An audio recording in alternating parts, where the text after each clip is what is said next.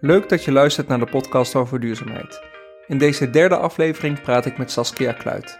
Saskia is niet alleen directeur van de Fietsersbond, maar zit ook in de Eerste Kamer voor GroenLinks. En we hebben het in deze podcast niet alleen over fietsen, maar over veel meer duurzame onderwerpen. Veel luisterplezier. Ja, Saskia Kluit, directeur van de Fietsersbond. Leuk dat, ik, ehm, dat je mee wilt doen in, aan de podcast over duurzaamheid. Ehm, even kijken, we hadden net al best wel een, een leuk gesprek over de Zuid-Afrikaanse term over Ja, volhoudbaarheid. volhoudbaarheid. ja. Ja, dat, dat- dat- hè, we hadden het erover van eh, wat is duurzaamheid nou eigenlijk? En eh, moet je je dan op klimaat richten of eh, energie? Of, en ik werk mijn hele leven, werkzame leven in de duurzame wereld. Hè, dus voordat ik bij de Fietsersbond zat, zat ik bij de Milieufederaties. En ik heb bij de klimaatcampagne hier heb ik veel voor gedaan. En eh, ik vind de term volhoudbaarheid, wat dan inderdaad uit Zuid-Afrika eh, Mhm. schijnt te komen, eh, vind ik een hele mooie, eigenlijk een betere term. Omdat het heel goed laat zien dat het iets is wat je vandaag doet, maar wat je ook over tien jaar nog moet doen. En over twintig jaar. Het is toch iets wat je moet integreren in het leven. En niet alleen van mij als individu, Mhm. maar eigenlijk in de samenleving als geheel. Dus, ehm, en dat klinkt dan heel zwaar, maar eigenlijk komt het op neer dat als je het systeem verandert, gaan mensen natuurlijk gewoon vanzelf mee veranderen. Ja, is dat ook een beetje gedragsverandering dan? Is dat... Is dat Nou ja, we hebben, het is gedragsverandering, maar we hebben natuurlijk ook in, in onze samenleving heel veel dingen nog staan op het standje fossiel en op het standje consumeren. En eh, dat kan natuurlijk eigenlijk niet meer. Ehm, en dat is een beetje een ongemakkelijk gesprek, maar dat moeten we wel met elkaar voeren. Ja, En dat betekent ook dat je waarden die daaronder liggen moet gaan veranderen. Dus als je het hebt over mobiliteit, heel veel mensen eh, zien toch nog steeds eh, hun auto als een soort verbeelding van hun maatschappelijk succes. Hè, als jij een goede, dure leaseauto kunt Ja, krijgen, ja, dan heb je het goed gedaan. ja. Ja, Ik, ik heb dat zelf, want ik, ik rijd dan een Nissan Leaf. Dat is een, ja, sorry Ja. Nissan, maar een vrij suffe auto.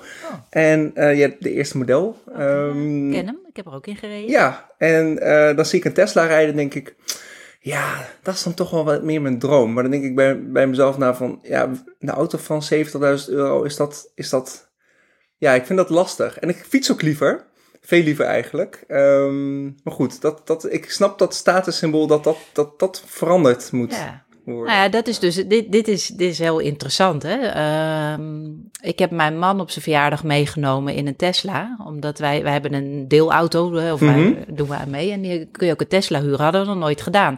Wij rijden dan eh, vroeger in een Nissan Leaf en nu in een Renault Zoe. Mhm. En, ehm, en nu dus in een Tesla. Nou, ik moet zeggen, eh, voor 70.000 euro vond ik het echt wel ongelooflijk veel geld voor weinig kwaliteit. dus eh, hè, Ja. Maak gewoon veel meer lawaai dan de Renault. Bijvoorbeeld. Eh, ik heb er een kwartier over gedaan voordat ik überhaupt door had hoe ik de auto aan moest zetten.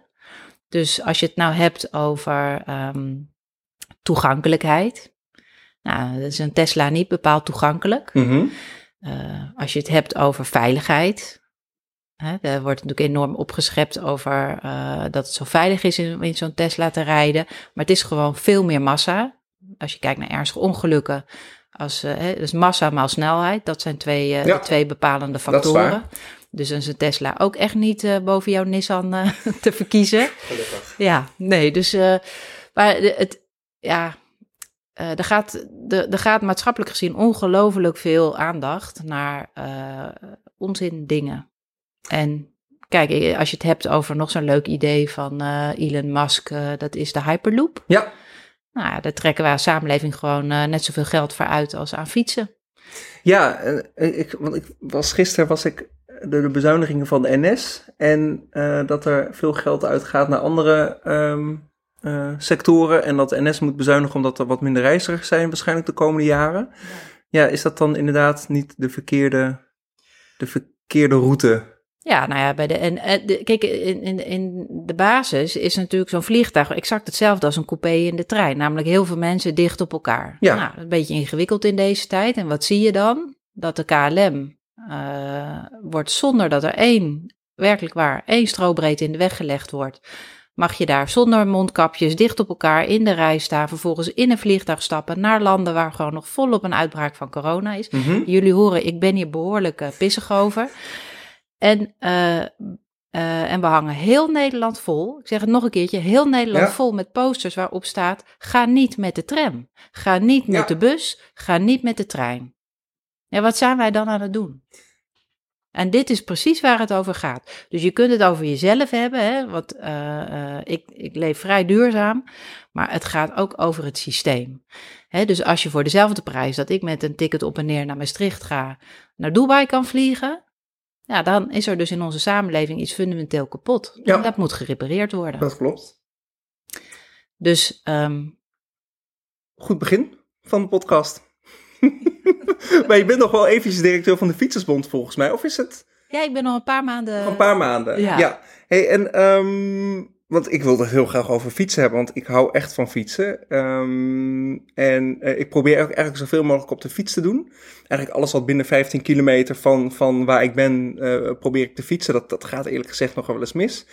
A- als directeur van de Fietsersbond, wat, wat heb je de afgelopen jaren bereikt? Of wat heeft de Fietsersbond bereikt waar jij bij was? Nou, wa- wat eigenlijk heel mooi is, en dat gebeurt elk jaar weer, is dat wij eh, duizenden straten in Nederland verbeterd hebben afgelopen tien jaar. Ik zit er bijna elf jaar, dus eh, wij, wij verbeteren twee, eh, vorig jaar zelfs nog meer, straten door met gemeentes in gesprek te gaan over, hey, dit is een 50 kilometer weg, er is nog geen vrijliggend fietspad, dat zou er wel moeten zijn, want die fietsen kinderen en ouderen. Het gaat over, hey, deze weg is 50 kilometer per uur, kunnen we die niet naar 30 kilometer per Mhm. uur brengen? Een tunneltje eh, hier of een bruggetje daar. eh, dit soort dingen, dat komt echt omdat die fietsersbond vrijwilligers dat aanjagen. En ehm, dat is ook, eh, ja, dat is echt het hart van onze organisatie. En daar, daar ben ik ook ontzettend trots op. Dus de vrijwilligers zijn eigenlijk het hart van, van de organisatie. En dan op, op, op kleine schaal, dus duizend straten. Eén straat is niet Duizenden, sorry, duizenden straten. Ja, dus ik denk, hè, van als, je- als je kijkt, wij doen er zo, ja, het wisselt per jaar een beetje, hangt of, eh, maar eh, ga uit van 2000 ongeveer per jaar, eh, waar het advies van de afdeling wordt overgenomen. Mhm. Dus er zijn er in die afgelopen 10 jaar 20.000 straten verbeterd. Eh, Ja, ik, ik ga het straks hebben over, over onze straat. Dat schijnt een 30 kilometer zone te zijn. Dat zie je niet aan het aantal auto's dat er doorheen rijdt. Ehm, ik, begin dan, ik ga dan toch door naar, de, naar een hele belangrijke vraag van mijn zoon. Die is zes en ehm, ik was van de week met hem aan het fietsen. En toen zei ik dat ik een gesprek met, met iemand had die heel veel van fietsen wist. En eh, of hij nog een vraag had. En zijn eerste vraag was meteen, waarom zijn fietspaden zo stom? oh, wat vond u En- er stom aan? Het hobbelde. Het fietspad bij ons in het dorp, en ik woon in Oosterbeek, ehm, dat, dat is echt een, een waanzinnig slecht fietspad. En zijn vraag was, waarom zijn fietspaden zo stom? En daar kon, kon ik wel inkomen, want fietspaden zijn vaak, vind ik, net iets te smal. Ik denk dat de brede fietspaden werkt ook niet, want dan gaan mensen ook hele rare dingen doen. Namelijk tegen het verkeer infietsen, omdat ze denken dat het eh, voor twee kanten is. Ehm, en eh, Oosterbeek ligt naast Arnhem. Ehm, Arnhem is echt de meest verschrikkelijke fietsstad van, van Nederland, vind ik. Want ik kan zo tien kruispunten, fietserskruispunten opnoemen die gewoon totaal niet, waar totaal, of wel eens over nagedacht, maar die totaal niet slim zijn. Maar dat, dat, dat hobbelige fietspad, daar, daar, dat was zijn, zijn ding. Van, eh, wat, wat kunnen we daaraan doen? Nou ja, lid worden van de Fietsersbond. Check. Dat, eh, goed zo, dank je. en ehm, eh, actief worden eh, in de afdeling. Mhm. Dus jouw zoon zou echt de perfecte woordvoerder zijn om naar de gemeente te stappen. Waarom is er een, waarom kan ik als zesjarige hier niet comfortabel lekker fietsen? Mhm. Want als je kleine wielen hebt, hè, dan is het vreselijk als je over een tegenhobbelig tegelpad moet, want je schudt alle kanten op. Dus ik snap wel wat hij zegt nu. Ehm, en ehm, eh, ik denk ook eh, gewoon ook van je laten horen. Hè? Dus eh, eh, via Twitter, via als je op social media zit, eh, Instagram. Laat van je horen dat je hier last van hebt en dat jij ook vindt dat dit verbeterd moet worden. Ja. Want ehm, het wordt wel eens gezegd fietsen is links. Nou, dat is absoluut niet zo. Als je kijkt naar hoe er in Nederland aan fietsen gewerkt wordt, dan van, van de VVD tot de SP, doen dat gewoon hartstikke goed. Mhm. Het gaat echt over de persoonlijke motivatie van wethouders, of het wel of niet werkt. Maar je krijgt hè, eh, wethouders die van fietsen houden, komen natuurlijk bovendrijven op het moment dat fietsen een item is in een gemeente. Ja. Nou, daar moeten de fietsers voor zorgen. Dus dat is één. En als je nou kijkt naar de systematische redenen daarachter, ja, dat is heel interessant. Fietsers geven gewoon te weinig problemen. Je, fietsers geven te weinig problemen. Ja, De, dus ons hele uh, bestuurssysteem is ingericht op het oplossen van problemen. Mhm. Nou, ik vind dat niet passend meer bij deze tijd. Ik vind dat wij hebben hele grote opgaven. Dus dat betekent, dat zijn niet noodzakelijkerwijs problemen van vandaag. Hè, uh, maar dat zijn soms, klimaatverandering is ook iets, ja, dan weten we dat dat eraan komt, maar het is er niet vandaag. Het was er gisteren al Ja. en het is er over 30 jaar nog erger dan nu. Volhoudbaarheid. Ja, dat is die volhoudbaarheid. Ja. En als je nou kijkt naar fietsen, dan uh, ja, uh, wij geven weinig files. Wij uh, nemen weinig ruimte in beslag. Wij geven geen milieuverontreiniging. Nou, dat zijn allemaal hele uh, belangrijke redenen waarom er wordt geïnvesteerd in mobiliteit. Mhm. Het oplossen van luchtkwaliteitsproblemen. Daarom investeren we in openbaar vervoer. Daarom investeren wij in schone auto's. Als je kijkt naar um, woningbouwopgaven, daarom investeren wij in uh, openbaar vervoer. En gelukkig tegenwoordig steeds meer in de fiets. Ja. Maar in de tijden van de Finex. Ja, nee, ja, dat las ik in het recht van de snelste van Thalia Vakade. Het is eigenlijk best wel een chockerend boek. Ik was echt wel van onder de indruk. Um, ik had hem vrij snel in huis. Ik was uh, de podcast aan het luisteren en meteen die middag heb ik hem... Ik luister naar de podcast onder het wielrennen. Dat doe ik met één oortje, zodat ik nog genoeg om me heen kan Ja, horen goed, en zien. Ja. Gelukkig. Um, en, uh, en, uh, maar, maar die, die, die, die Finex-wijken inderdaad, of die wijken die worden ontwikkeld, met name voor auto's. Of voor parkeren. En ja. Ja, de, het ruimtegebruik in Nederland, maar dat, dat is wereldwijd, um, is, is gewoon schrikbarend. En het gebrek aan discussie daarover. Hè. Ik heb een aantal jaar geleden, heb ik het bij mij in, zelf in de straat opgemeten. Mm -hmm. En het is heel grappig.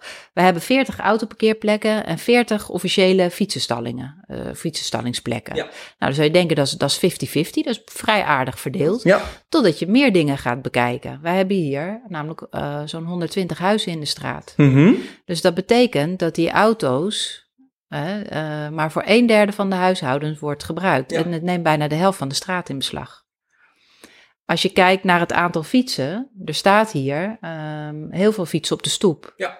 Dat is heel lastig voor mensen in een rolstoel. Het is lastig voor moeders en vaders die met hun kinderwagen op pad gaan. En nu in tijden van corona is het lastig om anderhalve meter Mhm. afstand te houden. Um, maar die fietsen kunnen nergens anders heen, want ik woon in een vooroorlogse wijk. Dus de mensen kunnen niet in een schuurtje, want dat hebben we hier niet. Nee. En um, nou ja, er is geen enkele discussie hierover. Terwijl dus een derde van de huishoudens gewoon enorm veel publieke ruimte inneemt. Mm -hmm. Als je de prijs daarvan zou doorrekenen, is het echt belachelijk. Als je de werkelijke prijs van die parkeerplekken zou neerleggen bij die huishoudens, zouden ze allemaal een auto wegdoen. Ja. En dat is heel interessant. Het is niet eens een discussie, hè? En als je de discussie aangaat, dan is de discussie dat je dingen afpakt. Afneemt, Ja. ja. En um, nou ja, daar moet gewoon meer rationaliteit in komen. Van, uh, wij, wij maken straten voor mensen en niet voor machines. En dat groeit, maar we zijn er nog lang niet. En dat heeft ook weer te maken met dat statussymbool. Hè? Ja. Dus dat Tesla toch wat lekkerder voelt dan een Nissan Leaf. Nee, Nissan Leaf voelt best wel beter hoor nu. Ondertussen. um, maar is dat ook een beetje van. van ik werd door een, uh, uh, iemand op Twitter gewezen. Van, want ik, ik, riep op Twitter van: ik ga naar, naar Saskia. En um, heeft iemand nog vragen? En toen kreeg ik inderdaad een vraag. Um, van, hoe, van Helsinki. En dat kende ik eigenlijk helemaal niet. Um, maar die zijn echt gewoon heel, helemaal radicaal veranderd in, in een autostad naar, een, naar meer een fietsstad. Ja. En volgens mij gaat het in Parijs ook gebeuren nu, nu de uh, Parijse burgemeester is herkozen. En alles moet binnen 15 minuten fietsbaar zijn. Fietsbaar zijn. Ja. Um, ja, dat is hoe, prachtig, hoe, hoe, kijk jij daarnaar? Want, want in Helsinki zijn dus geen doden onder voetgangers en fietsers meer ja. afgelopen jaar. Um, daar mogen alle auto's met 30 km per uur en is dus vrijbaan voor fietsers en voetgangers. Ja. Uh, kan dat ook in Nederlandse steden? Ja, je moet altijd een beetje kritisch zijn bij dit soort plannen Mhm. en even, door, even naar kaartjes doorklikken. Vaak is dat dan uh, wat wij hier in, in de binnenstad noemen en die Ja. bij ons al autovrij is sinds jaren her. Mhm. Maar um, uh, desondanks zie je wel dat er in het buitenland op dit moment radicale keuzes worden gemaakt. En wat ik heel interessant bijvoorbeeld aan Parijs vind, eh, daar kiezen ze dus voor uh, nabijheid. Dus zij zeggen niet van iedereen moet altijd overal kunnen komen. Mhm. Dat is wat wij in Nederland doen. Hè. Wij Ja. zeggen van uh, mobiliteit is een recht en iedereen moet altijd overal kunnen komen. Zij zeggen nee, alles wat jij nodig hebt in je leven moet dichtbij zijn. Ja. Dus dat is nabijheid. En dat betekent dus dat de school uh, dichtbij zit. In Nederland, in het landelijk gebied, uh, brengen wij scholen juist naar, uh, clusteren we en brengen wij naar het volgende dorp toe. Ja. Als je het hebt over zorg, dat clusteren we dus mijn, mijn vader bijvoorbeeld, die kreeg een keer een hartaanval. En die uh, woont serieus op 10 minuten afstand van een ziekenhuis. Maar hij werd 40 kilometer verderop gebracht, want dat was dan toevallig het hartcentrum. Ja, dus, uh, ja. Nou ja, hij ging ja. natuurlijk niet in dit geval niet met de fiets, dus dat had niet veel. Maar dit, het, om te schetsen dat wij, uh, wij, wij, wij zijn alleen maar in Nederland bezig met efficiëntie vergroten en niet met nabijheid vergroten. Dus, en dat komt omdat ook dat hele paradigma van dat je mobiliteit een doel op zich is. Uh, en dat is het natuurlijk niet. Ja, dat, want dat las ik ook in het Recht van de Snelste. En uh, Marco de Brummelstroets, een mede-auteur, want het begon eigenlijk met Talia, die vertelde van we moeten meer fietssnelwegen. Ja. En uh, dat is efficiëntie. Want dat zo'n fietssnelweg van Arnhem naar Nijmegen, ik fiets, fiets er wel eens overheen, ja. dat gaat gewoon langs de, langs, de, de, de, langs de snelweg en dat is inderdaad rechtdoor. Dat ja. is e efficiëntie. Maar het blijkt dat mensen helemaal niet, die graag fietsen, helemaal niet voor efficiëntie gaan, ja. maar voor ik vind dit een beetje te plat, weet je dat? Mm -hmm. uh, die, die, uh, die snelfietsroutes, dat gaat erover, juist over dat je binnen een kwartier of binnen een half uur op de fiets op locaties kunt komen. En we hebben een enorme ontwikkeling uh, afgelopen jaren gehad, dat is elektrische fiets. Mm -hmm. En met een elektrische fiets willen mensen veel verder fietsen. Dus dit is ook een van de manieren om mensen uit de auto te krijgen. En Um, maar dan moet je goede infrastructuur aanleggen. Dat was wereldwijd nog nergens echt goed gedaan. Nee. Dus wij beginnen daarmee. Uh, het eerste, uh, een van de echte eerste radicale uh, was het Rijn-Waalpad. Ja. Dan kunnen wij niet met de kennis van nu zeggen dat dat niet het meest geschikte voorbeeld was. Want dat was een, innova een, een innovatietraject. Ja. En um, we hebben inderdaad gedacht, en dat is ook helemaal niet zo gek, ook vanuit fietsen niet. Directheid is een van de vijf kernontwerpeisen voor goede infrastructuur. Dus directheid is wel, gaat wel over de kortste route. Wat zijn de volgende, wat zijn de andere? Nou ja, ik weet ze niet allemaal, kan ik ze niet zo opnoemen, maar comfort en ja. veiligheid, uh, dat zijn andere. Ja. ja. maar dat is logisch, comfort. Hè? Dus die robbelige fietspaden niet meer. Het, is, het gaat vrij rechtdoor. Met af en toe een gek kruispunt hier en daar nog. Vanwege de auto's die er ook nog uh, tussendoor moeten. Veiligheid is, is, is een belangrijke. En uh, persoonlijk vind ik beleefbaarheid bijvoorbeeld ook een heel belangrijk -hmm. aspect. Hè. Ik woon zelf in een buurt, daar, daar zijn twee mooie fietsroutes doorheen. De ene is een 30 kilometer straat. Uh, wat dan langs een groenstrook en dus een paar speelplaatsen gaat. En de andere is uh, langs de uh, auto-infrastructuur, businfrastructuur, ja. maar wel van ja, het meest direct. Ja. Nou ja, en het heel grappig is, ze hebben toen aan mensen gevraagd, hoe rijden jullie van A naar B door deze wijk heen? En de meeste mensen kozen voor die 30 kilometer straat, ondanks dat die toen nog niet geasfalteerd was. En zijn ze gevraagd waarom. Ja, en toen bleek dus, daar zien we mensen. Ja. He, dus, uh... Ja, want dat is het Rijn-Waalpad natuurlijk ook. Dat gaat aan de ene kant wel langs de snelweg, wel met een groot deel... Um... Ja, dat gaat maar een deel langs de snelweg. En, en, en, en de andere kant is een fantastisch natuurgebied waar je doorheen fietst. Dus het is ook nog eens een keer echt lekker fietsen. Ja, ja. De, de, dit zijn ook dingen die wij moeten leren. En uh, um, tegenwoordig wordt gekozen voor de term doorfietsroute. En waar het eigenlijk over gaat, is dat je die infrastructuur robuust en veilig maakt. Mm -hmm. hè? Dus in plaats van die tegelpaden, gewoon fatsoenlijke paden. In plaats van dat je uh, voor elk verkeerslicht moet wachten, krijg je overal voorrang. In plaats van dat je uh, drie minuten stilstaat, krijg je een tunnel. Hè? Dus de uh, er zitten een aantal ontwerpeisen achter die snelfietsroutes die gewoon gaan over hoe maak je fietsen prettiger voor fietsen. Ja, en die ontwerpeisen die zijn er gewoon, die kun je gewoon ja, als gemeente of als... Zeker, je hebt, je, hebt, je hebt prachtige richtlijnen in Nederland. Je ja. hebt de CROW-richtlijnen. Nou ja, echt elk ding is bedacht voor fietsers. Uh... Het is Nederland, hè? Het is Nederland. Het enige probleem is dat heel veel ambtenaren die richtlijnen gewoon niet openslaan als ze iets aan de infrastructuur doen. Mm -hmm. nou. hoe, hoe, hoe gaan we die ambtenaren bereiken? Door, door ze naar deze podcast te laten luisteren? Nou ja, ja, nou ja wat, wat mij opvalt bij. Uh, de, dit lijkt me goed, hè? Laat, ze luisteren. Uh, maar wat mij opvalt is dat zij ook heel vaak denken dat. Uh, dat ook hun taak is om problemen op te lossen. En dan kom je al heel snel weer bij die auto uit, want die geeft parkeerproblemen, die geeft luchtkwaliteitsproblemen. Als er mensen doodgaan in een gemeente door verkeersveiligheid, zijn het bijna altijd auto's bij betrokken. Dus nou ja, zo uh, zie je dat die ambtenaar, en dan ook nog eens, het is ook nog politiek gevoelig, want mm -hmm. zowel in auto als OV-infrastructuur gaat ook nog heel veel geld. er is, dus ik, niet dat ik weet, nou het zal misschien wel eens een keer gebeurd zijn, maar niet dat ik weet, een wethouder gevallen over een fietsproject. Je kunt in Nederland dus gewoon zelfs snelfietsroute. Hè. Er zijn nu meerdere voorbeelden van dat een snelfietsroute gaat door meerdere gemeentes heen. En dan op een, op een gegeven moment verandert er iets in de gemeente, soms in het midden van die route. En die Mhm. zegt dan, nou, we doen het toch maar niet. En dan houdt de route op. Houd het gewoon op. Einde, einde snelfietsroute. ja, maar stel je toch voor bij een provinciale weg. Dan zou er halverwege zou het even eh, ophouden. Nou, reken maar dat zo'n gedeputeerde dan eh, het, het, het, hè, Ja. het veld moet ruimen. Nou, bij een fietspad is dat gewoon niet zo. Dus ook politieke sensitiviteit zit niet op die fiets. Is er een fietscongres waar ambtenaren na- naartoe Ja. toe kunnen gaan om meer te leren? Eh, Het komt, het kom- komt omdat ik ehm, ehm, v- via de correspondent, ehm, eh, hoe heet het ook alweer, Ehm, onder het systeemplafond en dat er een keer eh, voor gemeentelijke ambtenaren een hondenpoepcongres wordt georganiseerd. Elk jaar is, een hond, is er een hond. Dus toen dacht ik van, is er een congres? dat het CROW ook dat hondenpoepencongres vragen. Want die gaan ook over openbare ruimte. Ja, ja, ja.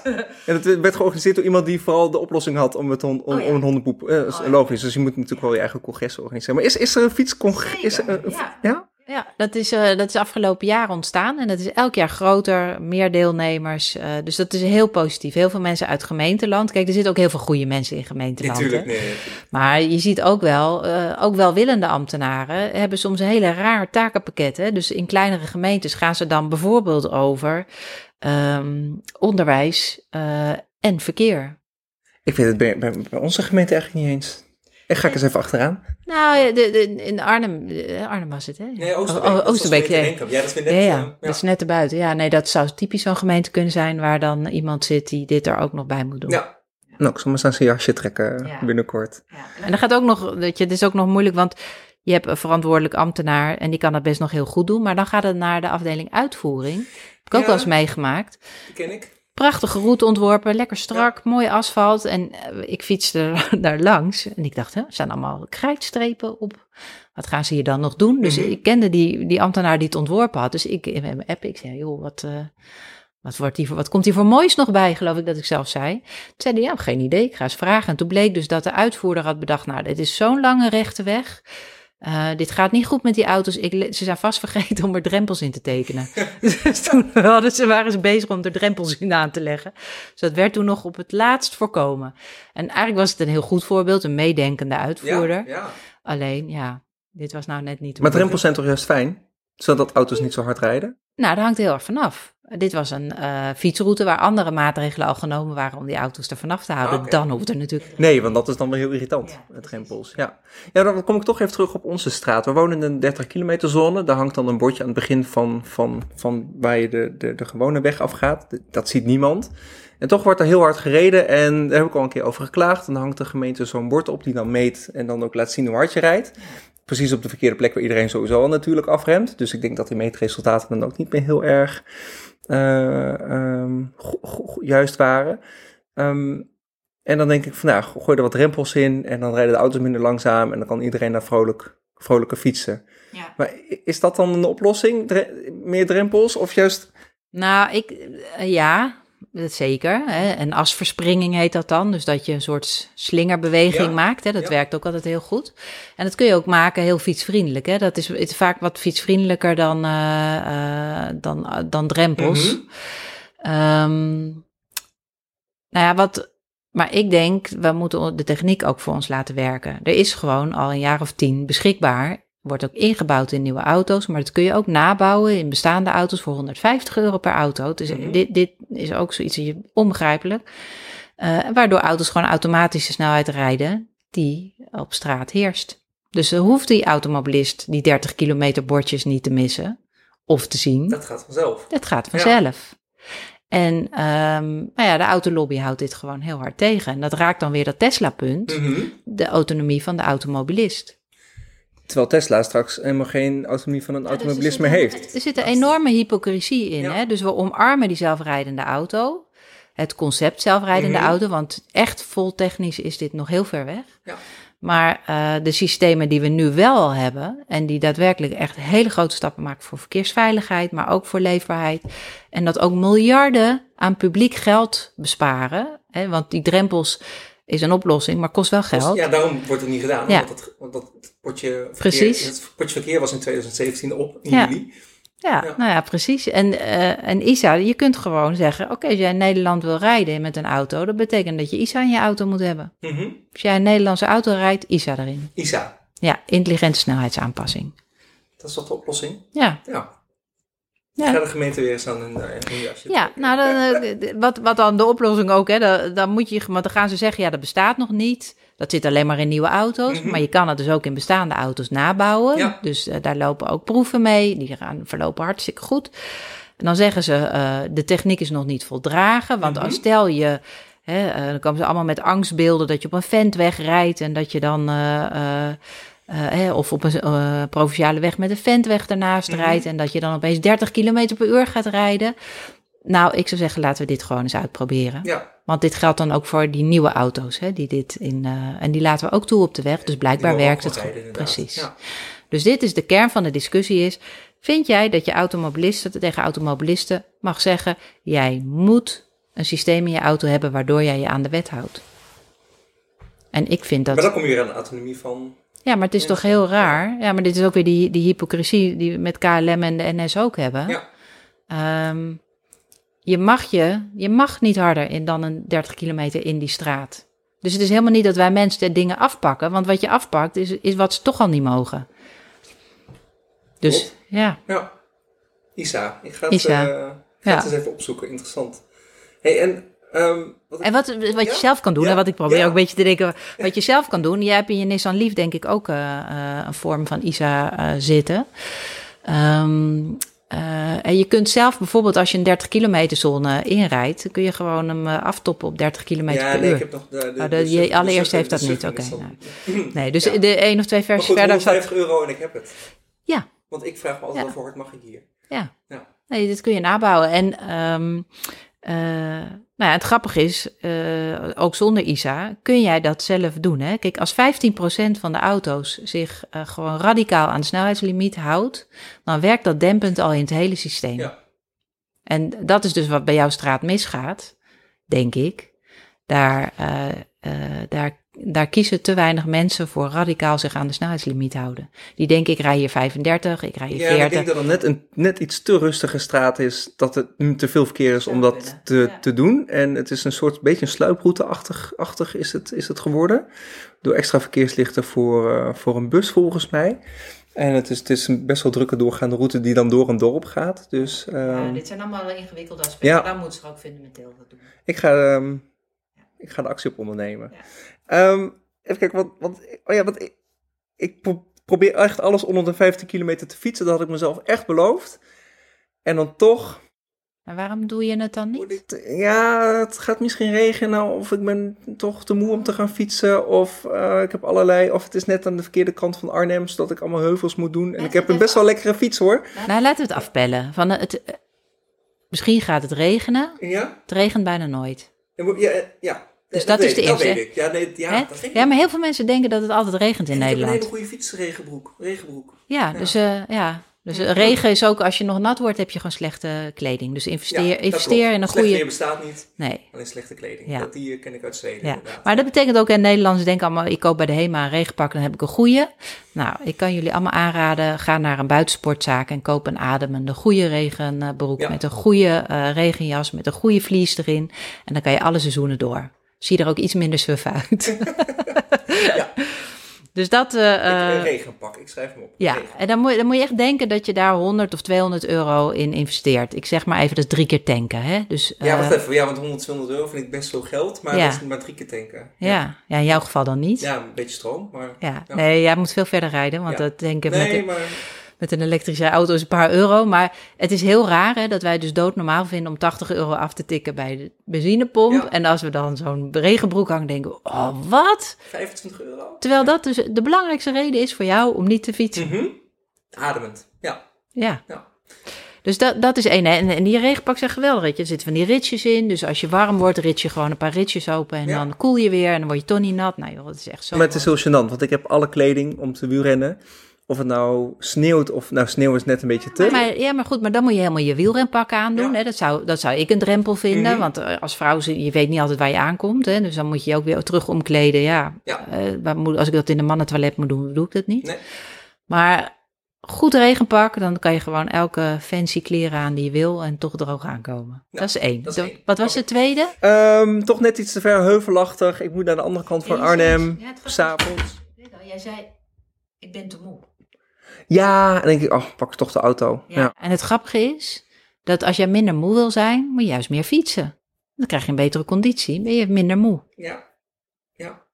Dus de. En dat werkt in het moment. Hè? Dus als je 20 minuten of als je, als je 10 minuten op de fiets zit, ben je al niet meer moe. Want jouw Mhm. lijf maakt jou gewoon wakker als je beweegt. Maar het interessante op de, op de eh, abstractere niveau is natuurlijk dat je, je wordt gewoon fitter. En wij zitten, eh, heel veel mensen zitten de hele dag stil. Ja. Eh, en die worden ook steeds suffer, fysiek. Maar besparen dan weer op de sportschool. Ja, je hoeft ook niet naar de sportschool als je fietst. Ja, ik zit even de berekening te maken. Nee. hoor. En het interessante bij kinderen, hè, dat, eh, ik, ik zie al die ouders en ik zie af en toe van die beetje, ja, die fruttende ouders, van die helikopterouders, hè, heel beschermend naar Mhm. hun kinderen toe. En eh, ja, ik, ik heb daar helemaal geen oordeel over, dat klinkt een beetje zo, maar dat heb ik niet. Hè. Ik bedoel, ik- ik- je- het kan zijn dat je gewoon zo in elkaar steekt of dat je iets hebt meegemaakt door je heel extra goed voor je kinderen wil zorgen. En dan denk je, ik zet hem een fietshelm op. Ja. Krijg je gedoe. Eh, in de praktijk vertaalt zich dat door dat kinderen minder fietsen. Want je hebt geen zin in je gillende vijfjarige, dus we gaan maar even met de auto vandaag. Omdat hij zijn helm niet op wil. Ja. Mhm. Dat gebeurt. Echt? Oké, ja, dit, dat herken ik niet. Want mijn zoon doet gewoon braaf zijn helm op en gaat fietsen. Ja. Je hoeft, ja, je, wat ons betreft hoef je je kind geen helm op te zetten. Oké. Dus eh, Nee, eh, dat- dat is nog, nog, want het is namelijk helemaal niet onveilig om in, in Nederland te fietsen. Dus de, ehm, maar goed, als ouders het doen, is prima. Mhm. Doe het. Ehm, maar vervolgens gaan ze naar de middelbare school en dan krijgen die kinderen opeens een elektrische fiets. Moeten ze acht kilometer fietsen, Ja. elektrische fiets, want moe. Want ze hebben al zoveel. Want hun vriendjes hebben het ook. Nou, ik zou willen zeggen, beste ouders, doe dit niet Mhm. als je, als je kijkt naar de fysieke gesteldheid van kinderen op dit moment, is het echt super zorgwekkend. De, eh, we- de kinderen nu breken eh 30% meer hun botten dan 10, 15 jaar geleden. En de belangrijkste reden is dat die kinderen niet bewegen. Ja. En ehm, dus dat is serieus, hè? echt serieuze Mhm. gezondheidsschade. Als je kijkt naar conditie, kinderen hebben een dramatisch slechte conditie. Als je kijkt naar obesitas, een kwart van de kinderen heeft overgewicht in Nederland. Dus is, dat is gewoon echt heel heftige gezondheidsschade. Ik, ik heb me echt verbaasd over de elektrische fiets inderdaad van bij jongeren. Ja. Ja, het is gewoon echt niet nodig. Nee. Een kinderlijf is gewoon sterk genoeg om dit te doen. Ja, ze moeten hun conditie opbouwen. Duurt misschien een maand of drie, vier. Ja, en als er een sneeuwblizzard is in de winter, inderdaad, laat ze een keer met de bus gaan. Ja, Maar alsjeblieft, laat ze gewoon lekker fietsen. zonder helm. Ja, ze Oh. hebben geen helm nodig. En eh, het interessante is, kinderen die dus een goede conditie opbouwen in hun jeugd, Mhm. die houden dat de rest van hun leven bij zich. Dus ook al worden ze daarna een couch potato, zitten ze de hele Ja. dag achter hun computer op hun werk, het maakt niet uit. Ze blijven die 20% betere conditie houden. Dus als je iets wil doen voor jouw kind en je wil echt goed voor ze zorgen, Mhm. ga met ze bewegen, laat ze buiten spelen, ga met ze lopen, ga met ze fietsen. En dan zorg je ervoor dat, ze, eh, dat je ze echt iets meegeeft voor de rest van hun leven.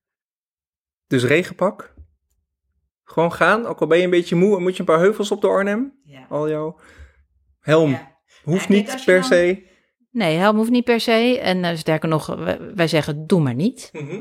We zeggen echt gewoon doe maar niet. Als je kijkt naar veiligheidsrisico's, hè, ehm, eh, het is gewoon veilig in Nederland om te fietsen. Ja. Als je kijkt naar wat het doet in een groep fietsers, neemt het fietsgebruik enorm af als een fietshelm verplicht wordt. In sommige landen Ja. tientallen procenten. Ja, dat, dat weegt dan weer helemaal negatief op tegen. Dus Ja. onvergelijkbare eenheden. Ja. Dus dus de, dat, dat, dat, maar dat is ook weer zo'n zo'n probleemding. Hè? Dus we hebben eh, een, een punt, een ongeval, ernstig letsel, iemand overlijdt. Dat is super heftig Ja. voor iedereen die daarbij betrokken is. Hè? Dus alles wat je eh, kan voorkomen, daaraan moet je willen voorkomen. Maar je moet niet zo ver gaan dat je het fietsen gaat ontmoedigen. Want op het moment dat je dat doet, neemt de gezondheidsschade zoveel sneller toe Mhm. dan de gezondheidswinst die je boekt. Ehm, ja, dat, Ja. Dat, dat is zo heftig. Is de helm dan een van de grootste fietsontmoedigende factoren? Ehm, ja, eh, en dit is, dit, is, eh, dit is altijd heel polemisch als je dit zegt, maar Mhm. in ons perspectief wel. Eh, hè, dus je, je, je ziet bijvoorbeeld in Scandinavië, waar heel veel helmplicht, dan wel zware helmpromotie onder kinderen is, Mhm. dat fietsgebruik onder kinderen gewoon afneemt. Dat is altijd in een complex situatie. Hè? Dus ehm, het heeft ook altijd te maken met dat autorijden goedkoper wordt gemaakt. Dat er veiligheid afneemt. Of dat ouders complexiteit in hun leven hebben om dingen aan elkaar te k- verbinden. hè. Mhm. Het is makkelijker om met de auto je kind af te zetten door te rijden naar je werk. Ja. Dan op de fiets te gaan en dan te bedenken hoe kom ik op mijn werk. Nou ja, goed hè. Eh, Nee, gedaan. die auto is gewoon verweven al tientallen jaren. Ja. Bijna honderd jaar denk ik in, Ja. in hoe we Nou, nee, ja, het organiseren. ja, ja, dat is eigenlijk nog veel korter hoor. Dat is pas sinds de jaren 60, dat is eigenlijk een jaar of 50. Ja, maar dat is niet zo heel lang Nee, is niet zo heel Nee, erg lang. Nee, dat, Nee. dat kunnen we ook wel makkelijk terugdraaien weer. Dan is het heel makkelijk inderdaad. Ja, ja. Kijk, dit soort wijken waar ik woon, hè, die vooroorlogse wijken, zijn natuurlijk helemaal niet gebouwd op de auto. Nee. De jaren Nee. 50 wijken zijn ook niet gebouwd op de auto. Dus als je de auto hier weghaalt, of in, in zijn huidige systematiek hier weghaalt. Hè, ik, ik ben er dus niet voor dat mensen stoppen met autorijden. Maar ik ben ervoor dat mensen doen zo, eh, zoals mensen zoals ik dat doen, een deelauto nemen. Ja. Want in elk gezin staat de auto gewoon 23 uur per dag niks te doen. Nou, dan kan je buurman dat heus wel eh, eh, lenen. Ja. kun je best wel delen met elkaar. Ja, klopt. En dat kun je ook doen op een manier dat je een schone auto krijgt. En je, dat is- daar zijn allemaal al systemen. Ja, nee, absoluut. Ja.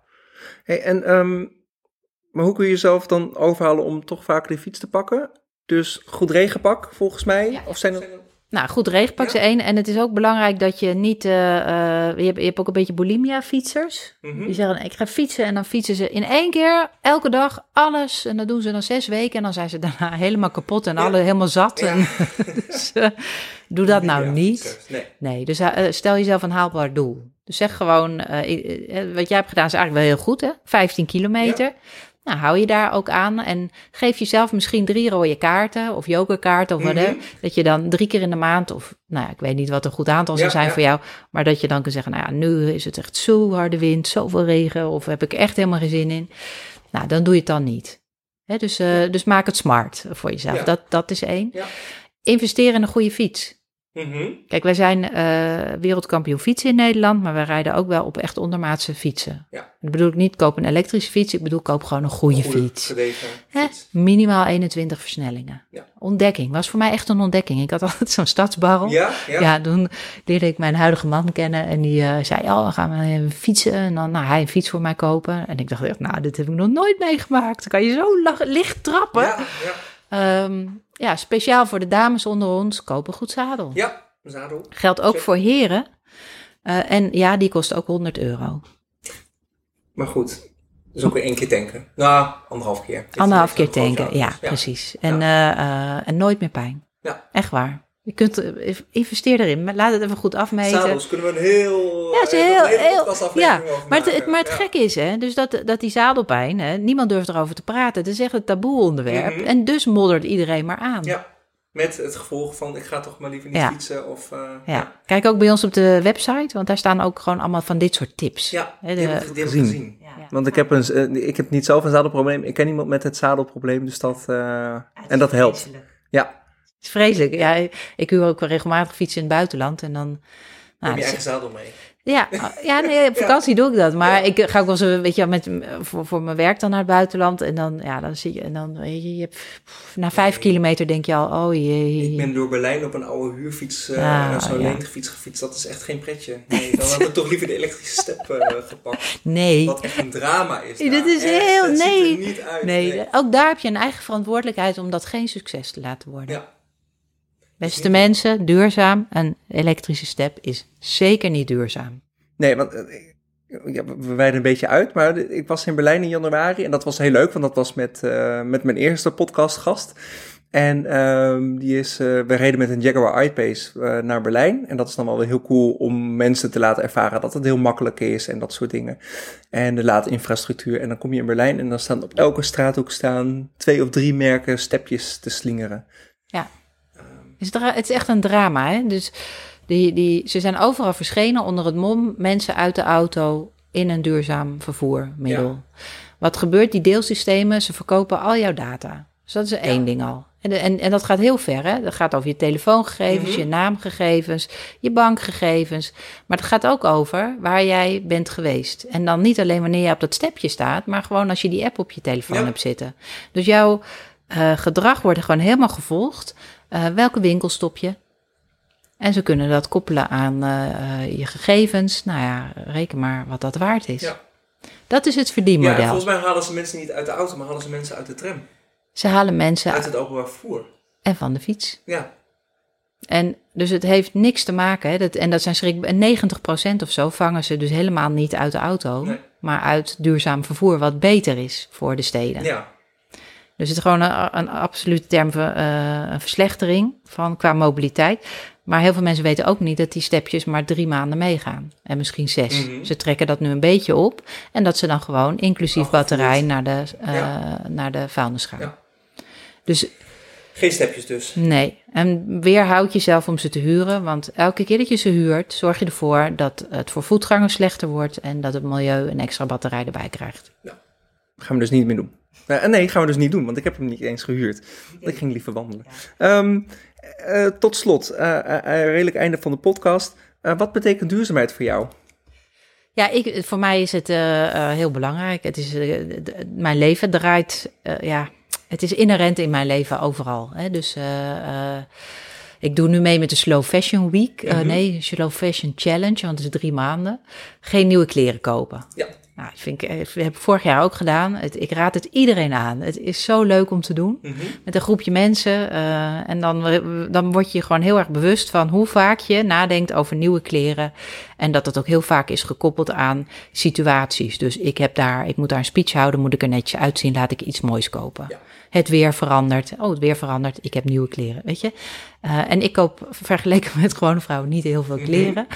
Eh, maar eh, en heel veel is tweedehand, maar toch, hè, dus daar zit het in. In eten, ik, ik ben al heel lang vegetariër. Ik eet soms voor mijn gezondheid een periode vlees, maar verder niet. En, ehm, eh, en ik ben nu ook, word ik er dan heel erg door geïnspireerd. En dat vind ik ook heel confronterend naar mezelf. Heel erg die vegan hoek, die Mhm. daagt mij heel erg uit. Ik vind heel veel vegan eten, nou, moet, moet ik dan wel een beetje aan wennen. Ja. Maar eh, terwijl ik dat dan zeg, denk ik, oh, ik ben dus gewoon echt net mijn klagende oom die dan zegt, nou, die vegetarische dingen vind ik ook helemaal Ik niks. heb nog wat leuke recepten voor je hoor. Ja, nee, het is, ja, maar eh, nee, dat, dat, dat gaat wel goed. Maar het zit meer in, eh, bijvoorbeeld, ehm, wat doe je dan op brood? Mhm. Ik, ik ben wel een kaaseter. Ja, ik ook. Ja. Ik denk heel Nederland. Maar nou, dat is ja. het enige wat ik hoor inderdaad. Nee, Kaas. ja, kaas is gewoon een ding. Maar het interessante is, eh, de vegan kaasmarkt ontwikkelt Mhm. zich heel snel op dit moment. Maar dan heb je een minuscuul stukje kaas, kost 7,50. Dat je echt denkt, wat? Maar blijkt dan, dat minuscule stukje kaas gaat net zo lang mee als een pond gewone kaas. Heel interessant vind ik dat dan. Maar dan moet je wel ontdekken. En Ja. je moet dus wel echt... Ja, in dit geval heb ik vijf keer echt walgelijke kaas gekocht. Mhm. Vegan kaas, voordat ik dit ontdekt had. dus, maar ik, dus dat moet je ook een beetje omdenken van dat is een soort eh, experimenteer. Ja. En hou niet op nadat het één keer mislukt is. Ga gewoon door totdat je hebt gevonden wat wel bij je past. En dat heb ik met melk bijvoorbeeld ook gedaan. En yoghurt, het waren andere dingen die ik heel veel at. Dus daar zit het in. Ehm, in reizen zit het eh, in. Mhm. Ehm, ja, eh, dus de, het is voor mij eh, heel belangrijk. En wat ik heel lastig vind, is dat ik doe dit nu 20 jaar of zo, hè, eh, orde grootte. Wel langer, denk ik, 25 jaar. Mhm. En ehm, ja, wat ik heel heftig vind. Ik, ik zit nu in de Eerste Kamer. Ik had mijn eh maiden speech. Toen heb ik een paar cijfers op een rij gezet. En ik ben dus 25 jaar bezig. En het is alleen maar slechter geworden. Mhm. Dus om terug te komen op het begin van de podcast. Jij begon over ehm, hè, van wat kan ik nou doen om het te verbeteren? Ja. En het echte antwoord is dat het niet over jouw individuele gedrag gaat, maar dat mensen in verzet moeten komen tegen de systeemfouten die wij hebben. En als wij dat niet doen, dan kan ik vegan kaas eten wat ik wil. Maar als wij hier honderden miljoenen dieren per jaar in Nederland hebben, eh, in het systeem, Ja. dan gaat mijn vegan kaasje van 7,50 Gaat echt niet helpen. Nee, nee. Dus ehm, ja, Kom in verzet. kom in verzet. Ja. Dat gaan we doen. Ik weet nog niet hoe, maar Nee. ik, ik kom in Ja. verzet in mijn eigen straat in ieder geval binnenkort. Nou, om, dat eh, is een hele- betere kil- 30 kilometer zonder Ja. te maken. Nou, doe ook mee met Geef de Straat terug. Ja, dat gaat over het systeem. Eh, hè, we- dat gaat over een community van mensen die samen die straten anders willen hebben. Mhm. Ik heb mijn straat ook aangemeld. Ja. Als ik zo stop bij de Fietsersbond, ga ik met sabbatical een paar maanden aan. En Ja, dan dan wordt deze straat wordt een... eh, die 40 parkeerplekken. Hoe cool zou het zijn als dat er nog maar 10 zijn? Over de... En als het de helft zijn, is dat dan ook al goed? Tuurlijk, is ook goed. En dan worden dan fietsparkeerplekken en ehm Kinderspeelplekken. kinderspeelplekken. Ja. Ja. Ja, dat is mijn droom. Systeemverandering. Ja. Daar gaan we voor. Ja. Dankjewel. Ja, dit jij gesprek. ook. Ja, dat was heel leuk. Ehm, Nog een paar maanden dus. Directeur van de Fietsersbond, daarna sabbatical. En dan kijken wat er gaat gebeuren. Nou, ik, ik, ook deze vraag is voor mij. Ik, ik, ik ga in die sabbatical bedenken hoe kan ik het systeem eh te lijf.